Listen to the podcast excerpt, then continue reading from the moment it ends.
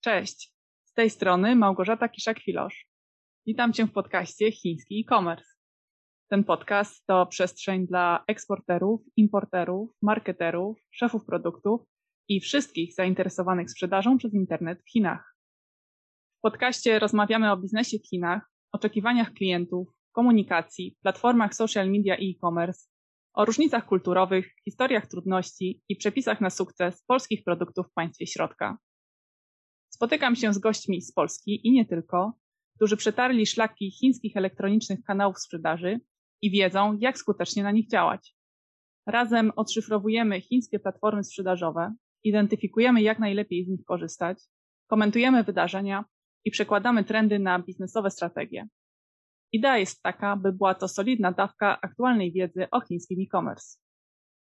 Witam Cię w piątym odcinku podcastu e-commerce w Chinach. Nie mogłam się doczekać tego odcinka, bo dzisiaj będziemy mówić o najbardziej znanej i pożądanej przez europejskie marki chińskiej platformie społecznościowej, jaką jest WeChat. Ustalimy, czym WeChat jest, a czym nie jest, jak założyć konto i jak je wypromować. Jest ze mną dzisiaj wyjątkowa ekspertka Miriam Dąbrowa. Miriam jest China Head of Strategy w KRDS. Od 8 lat w Azji. Przez ostatnie 6 lat projektuje strategię i wprowadza marki na WeChat.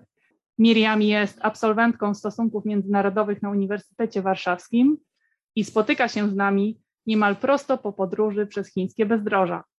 Miriam, bardzo się cieszę, że przyjęłaś zaproszenie i serdecznie witam Cię w podcaście. Dziękuję, bardzo mi miło. Bardzo też nie mogłam się doczekać tej rozmowy z tego względu, że mam wrażenie, że na temat WeChata w Polsce nadal wiadomo niewiele. Jest też e, wiele nie do końca prawdziwych informacji, więc dzisiaj chciałabym z Tobą usiąść i porozmawiać, co tak naprawdę możemy robić na WeChacie, a, a do czego WeChat prawdopodobnie nam się nie przysłuży. Super. Jak byś sama podsumowała miejsce, w którym teraz się znajdujesz? jeśli chodzi o e-commerce w Chinach? A jeżeli chodzi o social media w Chinach, e, myślę, że w tym momencie po tak naprawdę pracy z WeChatem od trzech lat, dzień w dzień, wiem bardzo dużo na temat tego, jakie zagrożenia, jakie potencjalne wyzwania mogą, e, mogą, być, mogą oczekiwać e, zachodnie marki w Chinach wchodzące na rynek chiński. E, wcześniej E, pracowałam e, głównie z markami chińskimi, które chciały wchodzić na rynek zachodni poprzez Facebooka, Instagrama, Twittera i tak. E, dzięki temu mam też wiedzę, czego oczekują klienci z zachodu.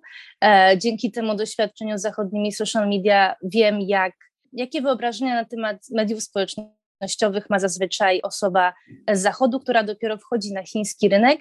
I w tym momencie jestem w stanie mu porównać niektóre z funkcji WeChata na na przykład, na przykład Facebooka lub Instagrama. I w tym momencie już e, mamy jakiś e, początek rozmowy i z tego punktu możemy e, rozwijać dalej nasz pomysł na, na WeChata i na chińskie social media ogólnie. Możesz nam zdradzić e, parę marek, z którymi pracowałaś lub pracujesz? Może masz jakieś ulubione branże, z którymi pracujesz? E, tak, jasne. W ostatnich latach są to głównie marki z branży B2B, business to business, i, I, też e, jakby na samym, e, na drugim końcu spektrum marki luksusowe. Coraz częściej jest to też bankowość, usługi finansowe. Jeżeli chodzi o chińskich klientów, o których wspominałam wcześniej, to są to głównie marki e, motoryzacyjne, smartfony, na przykład Vivo. E, kilka lat temu pracowałam przy obsłudze komunikacji i social mediów e, Vivo podczas mundialu w Rosji. Jest to jeden z najciekawszych projektów, myślę, w którym brałam udział w Chinach dotychczasowo. Myślę, że od zeszłego roku jedną z moich ulubionych branż są jednak firmy B2B. E, e, dlaczego? Otóż bardzo często są to firmy, które są dosyć znane w Chinach na swoim polu, mówię to o zagranicznych firmach, jednak od zeszłego roku, od kiedy na świecie panuje COVID i nie ma możliwości spotkania się ze swoimi chińskimi partnerami E, twarzą w twarz na targach, które się odbywały wcześniej e, kilka razy w roku. Przyszedł, e, przyszła pandemia i okazało się, że firmy te nie mają do końca jak nawiązać kontaktu ze swoimi klientami w Chinach. Nie odbywają się żadne targi, Chiny są na razie zamknięte, więc tak naprawdę nawet nie wiemy, kiedy odbędą się e, kolejne takie większe wydarzenia, na których, na których będą się mogli spotkać twarzą w twarz partnerzy biznesowi z Chin i z zagranicy. I wygląda to tak, że taka firma zazwyczaj e, ma nawet stronę internetową, ale okazuje się, że, że coś nie działa w tej komunikacji i coraz więcej zachodnich firm z jakimiś nowymi informacjami ze swoimi partnerami biznesowymi w Chinach, e, być może potrzebują właśnie WeChata. Okej. Okay. I co konkretnie robisz w ramach zajmowania się e, social mediami i szczególnie WeChatem? Jakbyś mogła nam zdradzić tajemnice wyzwań China Head of Strategy? E, oczywiście, więc jako osoba prowadząca strategię dla, dla firm na zachodnich, na rynek chiński w mojej agencji, zazwyczaj już podczas pierwszego spotkania z, z potencjalnym klientem e, staram się wybadać, e, jaka jest ich ogólna wiedza na temat chińskich social mediów, e, czy już mają WeChata, czy jeszcze nie mają i czy będą w takim razie potrzebować wsparcia w procesie rejestracji. Jeżeli już mają WeChata, to pytam o to, jakie są ich obecne bolączki, problemy z ich WeChatem, z komunikacją na rynku chińskim, E, dlaczego e, zgłaszają się do nas, e, czego oczekują od agencji. Pytam się też o to, jakie są ich cele na rynek chiński, czy to jest podnoszenie świadomości na temat marki, czy to jest zwiększenie sprzedaży. Następnie pomagamy w analizie grupy docelowej, doradzamy w zakresie platform na tej podstawie, treści, jakie E, firma może udostępniać e, na WeChacie, jakie treści będą najciekawsze dla jej grupy odbiorców, a także inne aspekty komunikacji, no i na koniec oczywiście promowania tych treści. E, zajmujemy się też kampaniami, produkcjami mini stron, mini programów i w tym przypadku też zazwyczaj jestem zaangażowana w proces koncepcji, kreatywnych pomysłów. Też jestem dostępna dla naszych klientów, jeżeli są jakieś nowe pomysły i dzielimy się tym, co możemy zrobić w najbliższym półroczu, e, roku i tak dalej. Okej, okay, to omówmy, co marki powinny zrobić na WeChacie w tym tygodniu. Wprowadźmy nowy element w podcaście, czyli aktualności. Chciałam Cię zapytać o Double Eleven. E, jakbyś mogła jednym zdaniem e, powiedzieć, co to jest za święto i co przygotowujesz na Double Eleven, albo jaki był najciekawszy projekt, który robiłaś dla marki z okazji święta Double Eleven? W kilku słowach, Double Eleven to jest 11 listopada, czyli e, dwoma słowami powiedziałabym, że to jest święto zakupów w Chinach. Zaczęło się od tego, że było to nazywane świętem singli z powodu czterech jedynek i ludzie po prostu z tej okazji chcieli sobie sprawiać jakieś prezenty e, sami sobie i stąd wzięły się wszystkie promocje, i w pewnym momencie rzeczywiście to stało się takim e, chińskim Black Friday. I jest to rzeczywiście data, do której wiele firm przygotowuje się już e, z dużym wyprzedzeniem. E, są to gigantyczne promocje, które czasem przekraczają 50%, czasem 70%.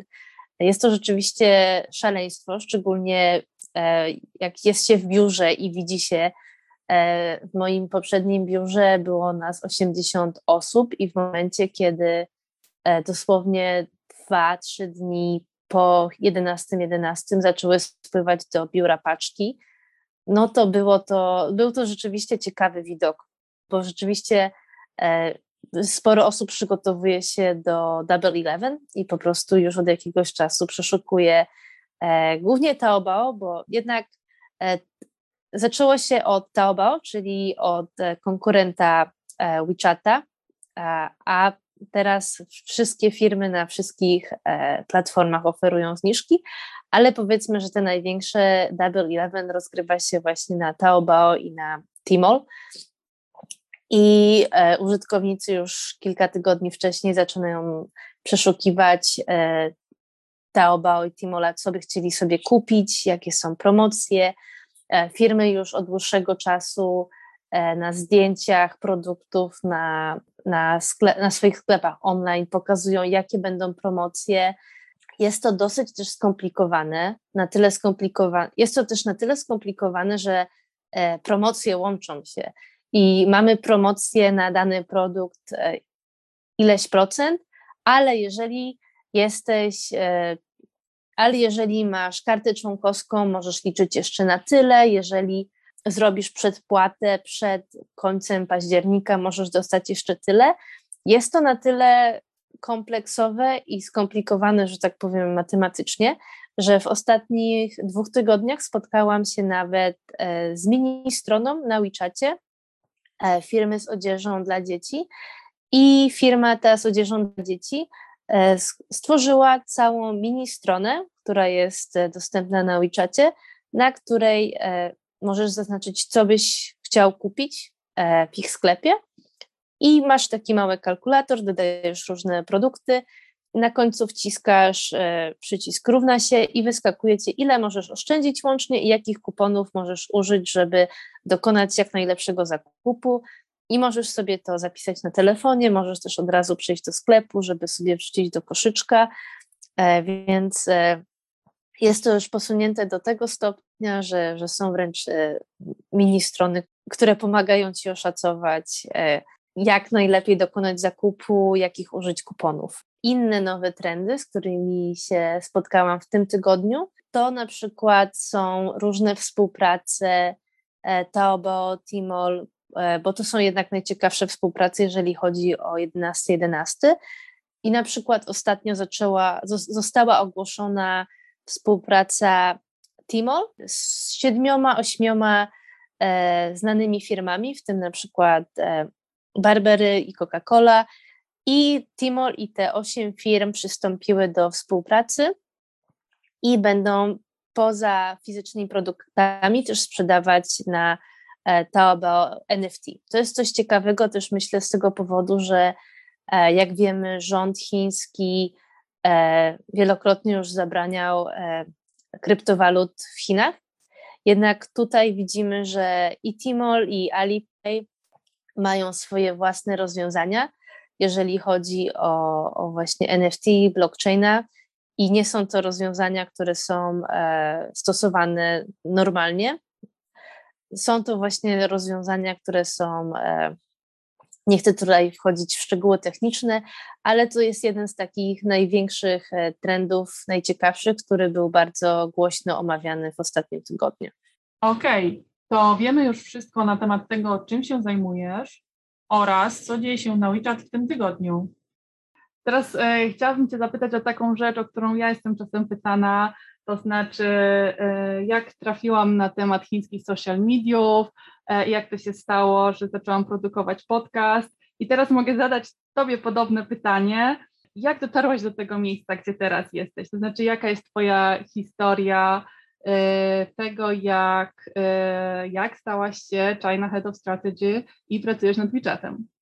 Tak, więc e, żeby opowiedzieć moją historię, musimy się cofnąć do 2008 roku, kiedy przyjechałam do Chin po raz pierwszy w trakcie Olimpiady w Pekinie. Były to takie wakacje przed pierwszym rokiem studiów i po prostu zakochałam się w Chinach. Później studiując już stosunki międzynarodowe, starałam się E, dołączać do, do kół zainteresowań zajmujących się tematyką azjatycką i chińską. I na ostatnim roku studiów e, miałam okazję pojechać do Tsinghua University jako e, pierwsza grupa wymiany studenckiej z ISM-u, z Instytutu Stosunków Międzynarodowych. I jak już dojechałam do tych Chin, to stwierdziłam, że tak łatwo nie wyjadę. Na szczęście w międzyczasie poznałam mojego obecnego narzeczonego, który też jest z Polski, więc na pewno pomogło mi to w podjęciu decyzji o pozostaniu w Chinach. A jakiś czas później przeprowadziliśmy się do Szanghaju, gdzie zaczęła się moja kariera w marketingu.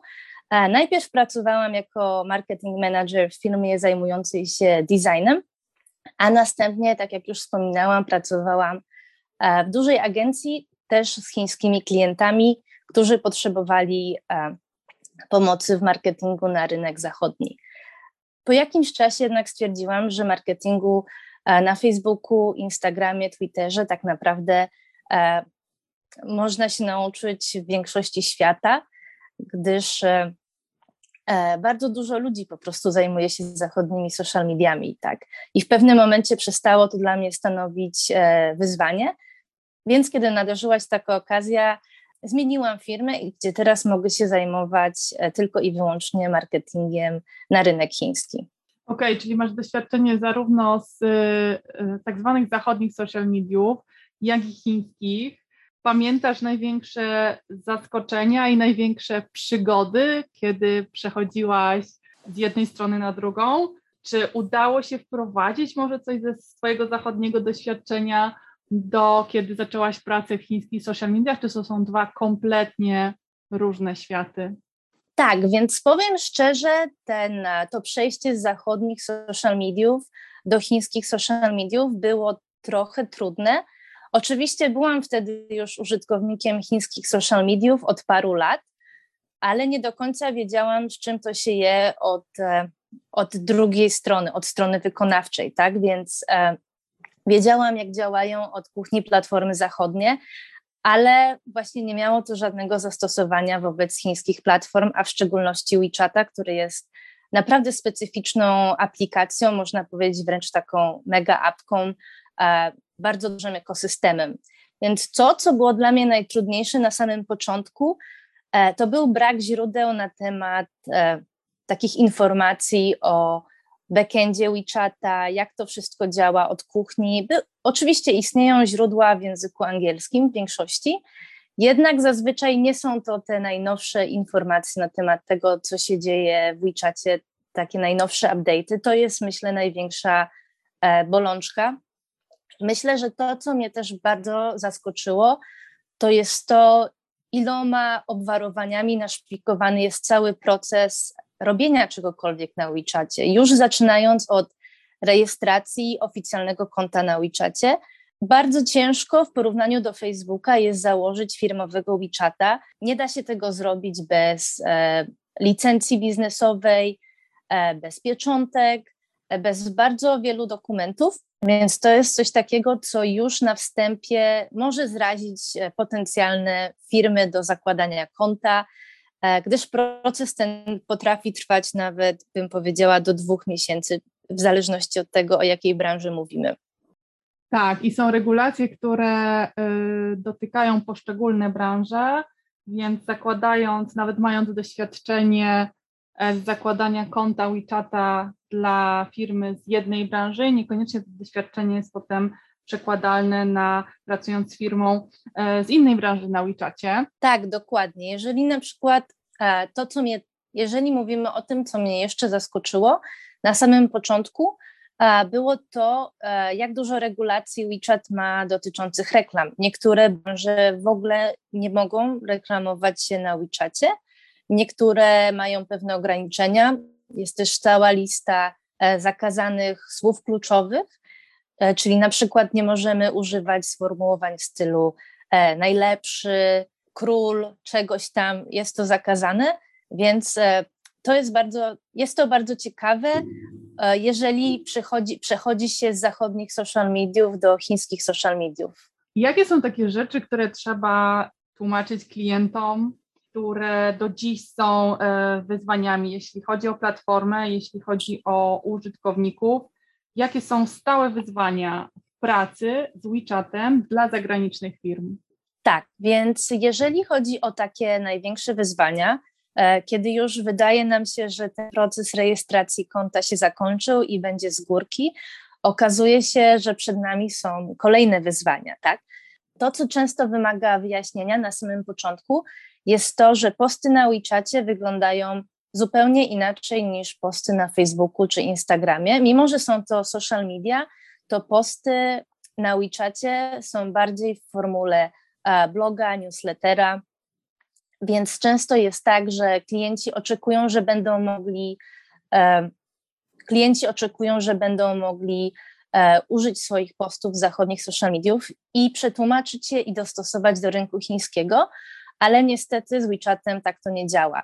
E, format, format postów na WeChacie to są zazwyczaj e, długie wiadomości, e, długoformatowe do scrollowania. Tak jak mówię, bardziej to przypomina bloga niż takiego krótkiego posta ze zdjęciem na, na Facebooku. Okej, okay, dziękuję Ci za ten wstęp.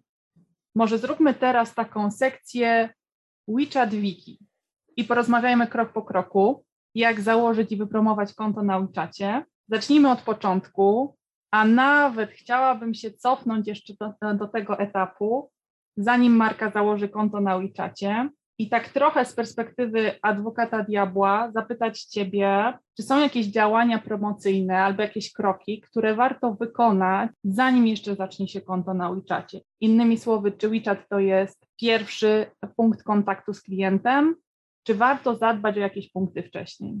W większości przypadków WeChat będzie bardzo dobrym wyborem, jeżeli chodzi o wybór pierwszego swojego e, medium komunikacji z chińskimi użytkownikami, ale właśnie tak jak wspomniałaś, nie zawsze.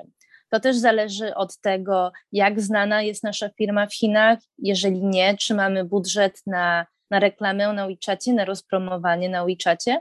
Jeżeli mówimy o marce modowej lub urodowej, która dopiero wchodzi na rynek chiński, być może WeChat nie będzie najlepszym e, wyborem i zaraz wyjaśnię dlaczego. Wynika to z tego faktu, że żeby dostać e, nową wiadomość od marki na WeChacie, najpierw musimy być e, jej fanem.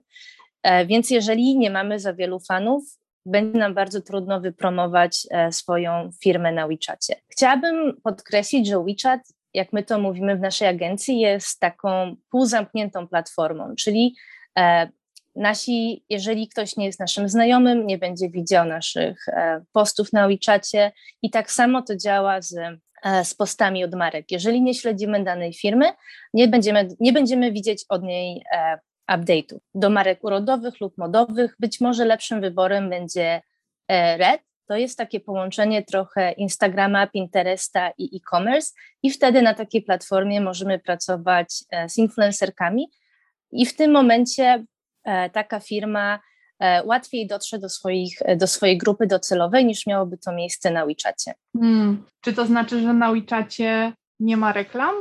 Są reklamy. Reklamy są jak najbardziej na WeChacie, ale są dość mocno ograniczone w porównaniu do na przykład e, tego, co znamy z Facebooka. Dla uproszczenia mamy takie dwa główne rodzaje reklamy na WeChacie. E, są to banery pojawiające się pod innymi artykułami lub reklamy na WeChat Moments, czyli tak jakby nasz odpowiednik, odpowiednik głównej strony na e, Facebooku. E, jednak w porównaniu z Facebookiem, w zależności od branży, to zależy, w zależności od branży koszt uzyskania nowego fana na WeChacie może być dość wysoki. Na przykład w branży B2B czasem może się kształtować nawet w okolicach 20-30 zł za jednego followersa. Więc y, jak widać, jest to trochę skomplikowane, ale oczywiście jest dużo sposobów, w jakie możemy promować e, nasze konto na WeChacie. Przede wszystkim QR kod rządzi w Chinach. QR kody nie przyjęły się za bardzo e, w social mediach zachodnich, jednak w Chinach jest to główny sposób, w jaki marki często promują się offline, więc na przykład nasz QR kod powinien się pojawić e, na naszych materiałach e, biznesowych, na materiałach, jeżeli uczestniczymy w targach. Jest to posunięte do tego stopnia, że w niektórych restauracjach w Chinach, żeby zamówić obiad lub kolację lub nawet kawę, najpierw musimy zeskanować QR kod na stoliku, zacząć śledzić konto, na przykład Starbucksa na, na WeChacie i dopiero wtedy z tego kodu możemy zamówić w końcu kawę. Więc e, e, są to pewne sposoby na to, jak sprawić, żeby mieć więcej followersów na, na WeChacie. Oczywiście jest to tylko jeden ze sposobów. Innym ciekawym sposobem na pozyskiwanie nowych followersów to są też współpraca z innymi kontami, e, gdzie możemy poprzez współpracę lub płatną współpracę E, udostępnić kontent z naszego konta z link z QR-kodem prowadzącym do naszego konta. Więc w zależności od branży, w zależności też od tematu i celu, e, będziemy szukać różnych sposobów, które są najbardziej optymalne, żeby wypromować konto na WeChacie. Okej, okay. słuchaj, to pytanie od czego zacząć? E, jak się przygotować, jak się wyedukować przed zgłoszeniem się do chińskiej agencji w celu założenia konta na WeChacie?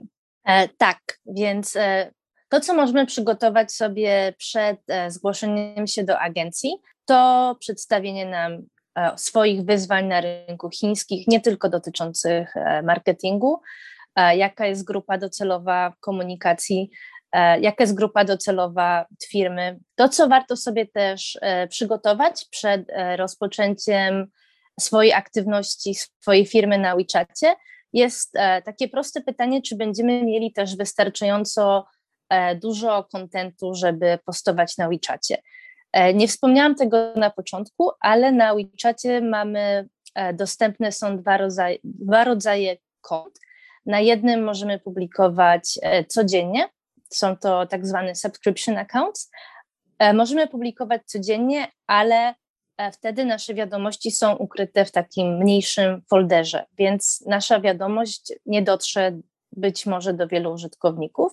I są też service accounts, na których możemy publikować tylko cztery razy w miesiącu ale w tym momencie wiadomość od takiego konta firmowego dotrze do wszystkich fanów, gdyż będzie wyświetlana wśród wiadom- bezpośrednio wśród wiadomości od naszych znajomych.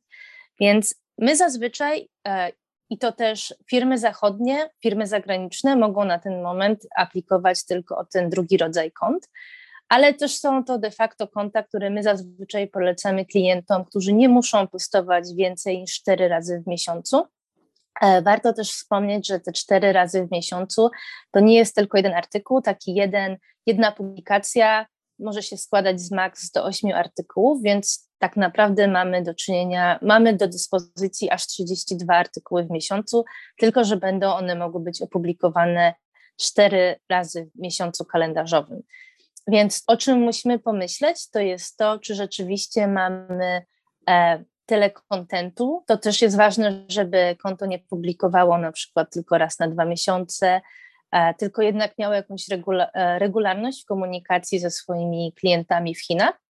E, zazwyczaj, zazwyczaj to, co ułatwia sprawę w przygotowywaniu kontentu na rynek chiński, będzie często nasz blog firmowy. Na przykład, jeżeli jesteśmy firmą B2B, E, możemy część treści, które mamy już w jakiś stopniu gotowe na rynek zachodni, e, możemy przystosować, e, zlokalizować właśnie na rynek chiński. Więc myślę, że to jest jedno z wyzwań dla zagranicznych firm, kiedy zdają sobie sprawę, że przygotowanie jednego posta na WeChacie zajmuje w porównaniu do Facebooka czy Instagrama o wiele więcej energii, gdyż wymaga po prostu przygotowania dłuższego tekstu, dłuższego formatu.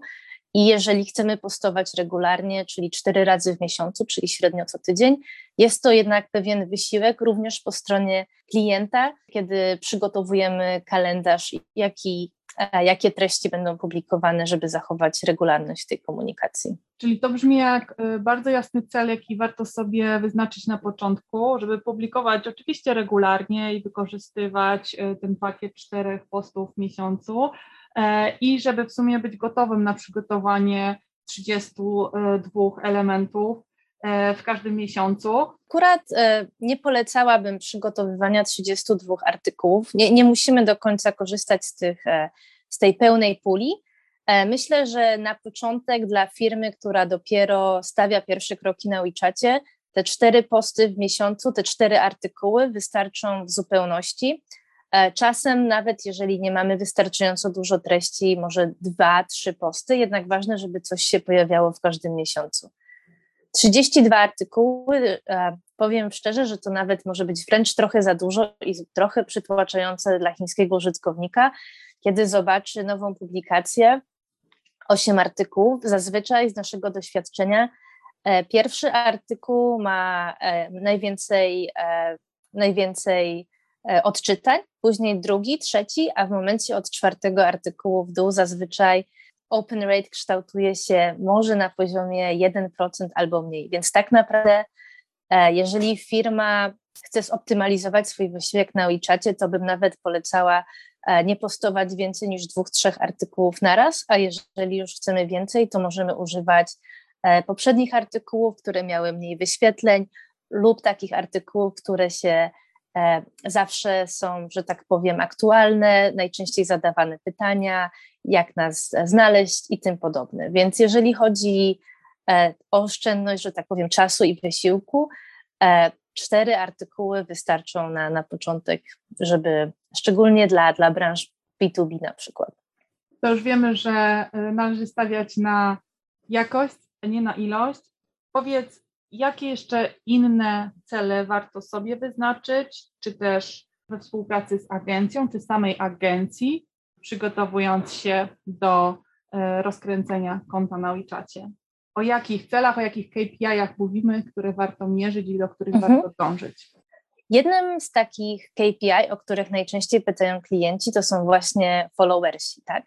Więc na samym początku, tak jak już wspominałam, bardzo ciężko jest, e, że tak to powiem, rozhulać konto, jeżeli e, jest to w miarę nowe konto, jeżeli dopiero wchodzimy na rynek chiński i bardzo często klienci są trochę niezadowoleni w momencie, kiedy to konto organicznie e, nie rośnie w pierwszych miesiącach. Tak? Jednak jest to bardzo trudne, jeżeli konto ma tylko kilku followersów, jeżeli nikt nie udostępnia treści z, e, z, tego konta, w tym momencie bardzo trudno jest nam mówić o, o wzroście organicznym, tak? Więc w momencie, kiedy mamy więcej fanów, tym bardziej więcej ludzi będzie udostępniać e, treści, jeż, szczególnie jeżeli są one ciekawe. Więc to jest, myślę, jedno z największych wyzwań, szczególnie w pierwszych miesiącach. I tutaj zazwyczaj w momencie, jeżeli klient na przykład nie ma lub nie chce przeznaczyć budżetu na reklamy w pierwszych miesiącach, tutaj możemy doradzić e, po stronie klienta. Jeżeli jest już jakaś baza danych jego klientów na rynek chiński, e, może starać się dotrzeć do nich z informacją o tym, że założył nowe konto na WeChacie, wysłać QR code. Jeżeli ma biuro w Chinach lub reprezentantów w Chinach, może też rozpowszechniać informacje na temat nowo założonego konta właśnie poprzez swoich pracowników na miejscu. Może też to jest jeden z takich bardziej ciekawych trendów na WeChacie. Ruch prywatny, czyli taki jakby e, ruch, do którego marki nie mają do końca dostępu i pod, e, i pod tym wyrażeniem mam na myśli grupy na WeChacie. Więc grupy na WeChacie działają podobnie jak e, grupy na WhatsAppie na przykład, gdzie osoby mogą wymieniać ze sobą wiadomości i tak dalej. Jednak istnieje ograniczenie do 500 osób na jednej grupie.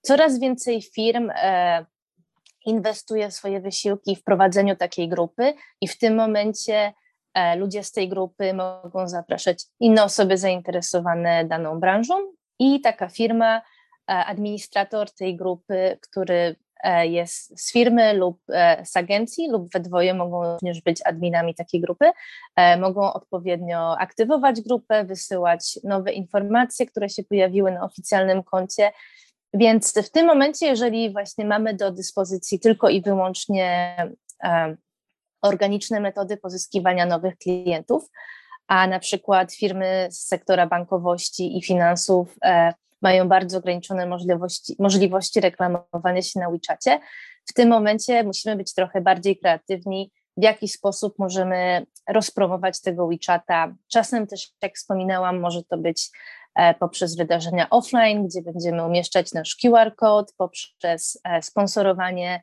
webinarów na przykład, gdzie możemy również umieścić nasz QR code lub współpracę z tak zwanymi gorącymi kontami, gdzie na przykład e, możemy udostępnić wywiad z kimś z naszej firmy i na końcu dodać QR code, który będzie przekierowywał czytelników do naszego konta. OK, mamy agencję lub ruszamy bez agencji od czego firma zaczyna przygodę e, z WeChatem? Na przykład jest właścicielem konta, czy nie? E, myślę, że to jest bardzo ciekawe pytanie. W ostatnich latach e, mieliśmy do czynienia z kilkoma sytuacjami, gdzie zgłaszały się do nas firmy, które miały już konto na WeChacie, ale niestety nie miały do niego dostępu, gdyż zostało one założone przez kogoś innego, inną agencję. Nikt z firmy nie był dodany jako e, właściciel konta admin e, w backendzie WeChata, szczególnie jeżeli drogi z poprzednią agencją albo z byłym pracownikiem e, się rozeszły i te firmy nie są w stanie odzyskać konta. Jeżeli nie były właścicielami konta, jest to bardzo skomplikowane, czasem wręcz niemożliwe, żeby odzyskać takie konto i kończy się po prostu tym, że trzeba zakładać konto od nowa. E, od bodajże dwóch lat firmy zagraniczne, czyli zagraniczne mam na myśli takie, które nie mają e, zarejestrowanej działalności w Chinach, firmy zagraniczne mogą zakładać swojego własnego WeChata e, firmowego i w tym momencie używają swojej dokumentacji ze swojego kraju pochodzenia. Ten proces jest trochę bardziej skomplikowany niż dla firm krajowych chińskich. Też ma później pewne ograniczenia na poziomie reklamy czy, czy płatności, ale jednak jest to, są, te ograniczenia są na tyle niedotkliwe w porównaniu z tym, że firma nie jest właścicielem swojego konta, które może zostać, e, że tak powiem, po prostu wzięte jako zakładnik przez e, niezadowolonego pracownika. Więc my zawsze jako agencja polecamy, żeby to jednak e, klient był legalnym właścicielem konta. My oczywiście zajmujemy się całym procesem rejestracji, komunikacją z Tencent, który jest właścicielem WeChata, a agencja w tym momencie jest tylko i wyłącznie edytorem takiego konta. Więc e, jak najbardziej uważam, że e, każda firma powinna, je, mimo tego, że e, być może agencja lub dystrybutor mają możliwość i mówią, że to będzie łatwiejsze założyć konto używając ich licencji chińskiej i tak dalej. Uważam, że jednak mając na uwadze bezpieczeństwo, bycie właścicielem konta, lepiej jest zawsze być e, w pełnej kontroli nad swoim kontem. To, co później może wyjść dopiero w praniu. Powiedzmy, że za jakiś czas mamy budżet na przeprowadzenie kampanii e, reklamowej na WeChacie, chcemy zainwestować w reklamy, w banery. I tutaj może pojawić się taki problem, że na przykład jeżeli e, konto rejestrowała nasza agencja lub dystrybutor lub jeszcze inny podmiot, może się okazać, że firma ta ma zupełnie inny E, zakres działalności wpisany w swoją licencję niż nasz. I w tym momencie, nawet jeżeli stworzymy reklamę na WeChacie, e, Tencent, e, pracownicy Tencenta, WeChata, przeglądający reklamy, mogą ją odrzucić z tego względu, że reklamujemy coś, co nie jest oficjalnie w naszej, wypisane w naszej działalności. Więc wracając do Twojego pytania, jak najbardziej polecam to, żeby jednak klient był pewien, że to on jest e, legalnym właścicielem konta, żeby to konto zawsze w razie czego należało do niego, żeby po jakimś czasie się nie okazało, że będzie musiał założyć nowe konto i w tym momencie istnieją dwa konta na WeChacie, kiedy użytkownicy wpisują nazwę jego firmy, ale też z tego względu, że e, później mogą wyjść jakieś właśnie problemy związane z tym, co jest e, wpisane jako działalność firmowa, i tak, to jest jedna z tych dużych różnic, o których wspominałam, że nawet jeżeli chodzi o, o robienie reklam na WeChacie, wszystko jest bardzo sprawdzane pod kątem e, naszej dokumentacji. To, co powiedziałaś, że WeChat czuwa nad tym, żeby treści, jakie chcemy publikować, pasowały do profilu działalności, jaki zgłosiliśmy, czy jaki zgłosiła dana firma. Cały czas zmieniają się regulacje dotyczące tego, e, co firma o danym profilu działalności może produkować, może publikować na swoim profilu. E, I oprócz tego, że wiemy, tak, i publikujemy w teorii coś, co, co pasuje do naszego biznesu, y, no to jeszcze, jeszcze jest tak, że w ostatnim czasie, no może zaskoczyć to, tak, że wysyłamy y, jakąś treść do, próbujemy opublikować jakąś treść i ona jest, e, mówiąc kolokwialnie, e, banowana, jako niepasująca do, do, do profilu, jaki firma, e, jaki firma ma. Tak, właśnie e, z tego też względu, tak jak wspominasz, coraz WeChat czuwa, e, konto może zostać zablokowane, czasem bezpowrotnie, więc tak jak mówię, dobrze się trzymać oficjalnej dokumentacji swojej firmy. Istnieją też platformy, które pomagają nam sprawdzić na przykład, czy użyliśmy jakichś, czy użyliśmy jakichś słów kluczy, E, dlaczego nasz artykuł na przykład nie może być opublikowany, to się czasem zdarza. Pojawia się wtedy komunikat, że, że w artykule znajdują się nieodpowiednie słowa kluczowe, więc to są wszystko a, takie małe informacje, które w rezultacie mogą zdecydować o, o tym, jak działa nasze konto, tak? Więc warto pamiętać o tym, że, że WeChat, Tencent, że to jest trochę zupełnie inny sposób e, kontrolowania treści Również z tego względu po prostu, że jest to publikowane na rynku chińskim.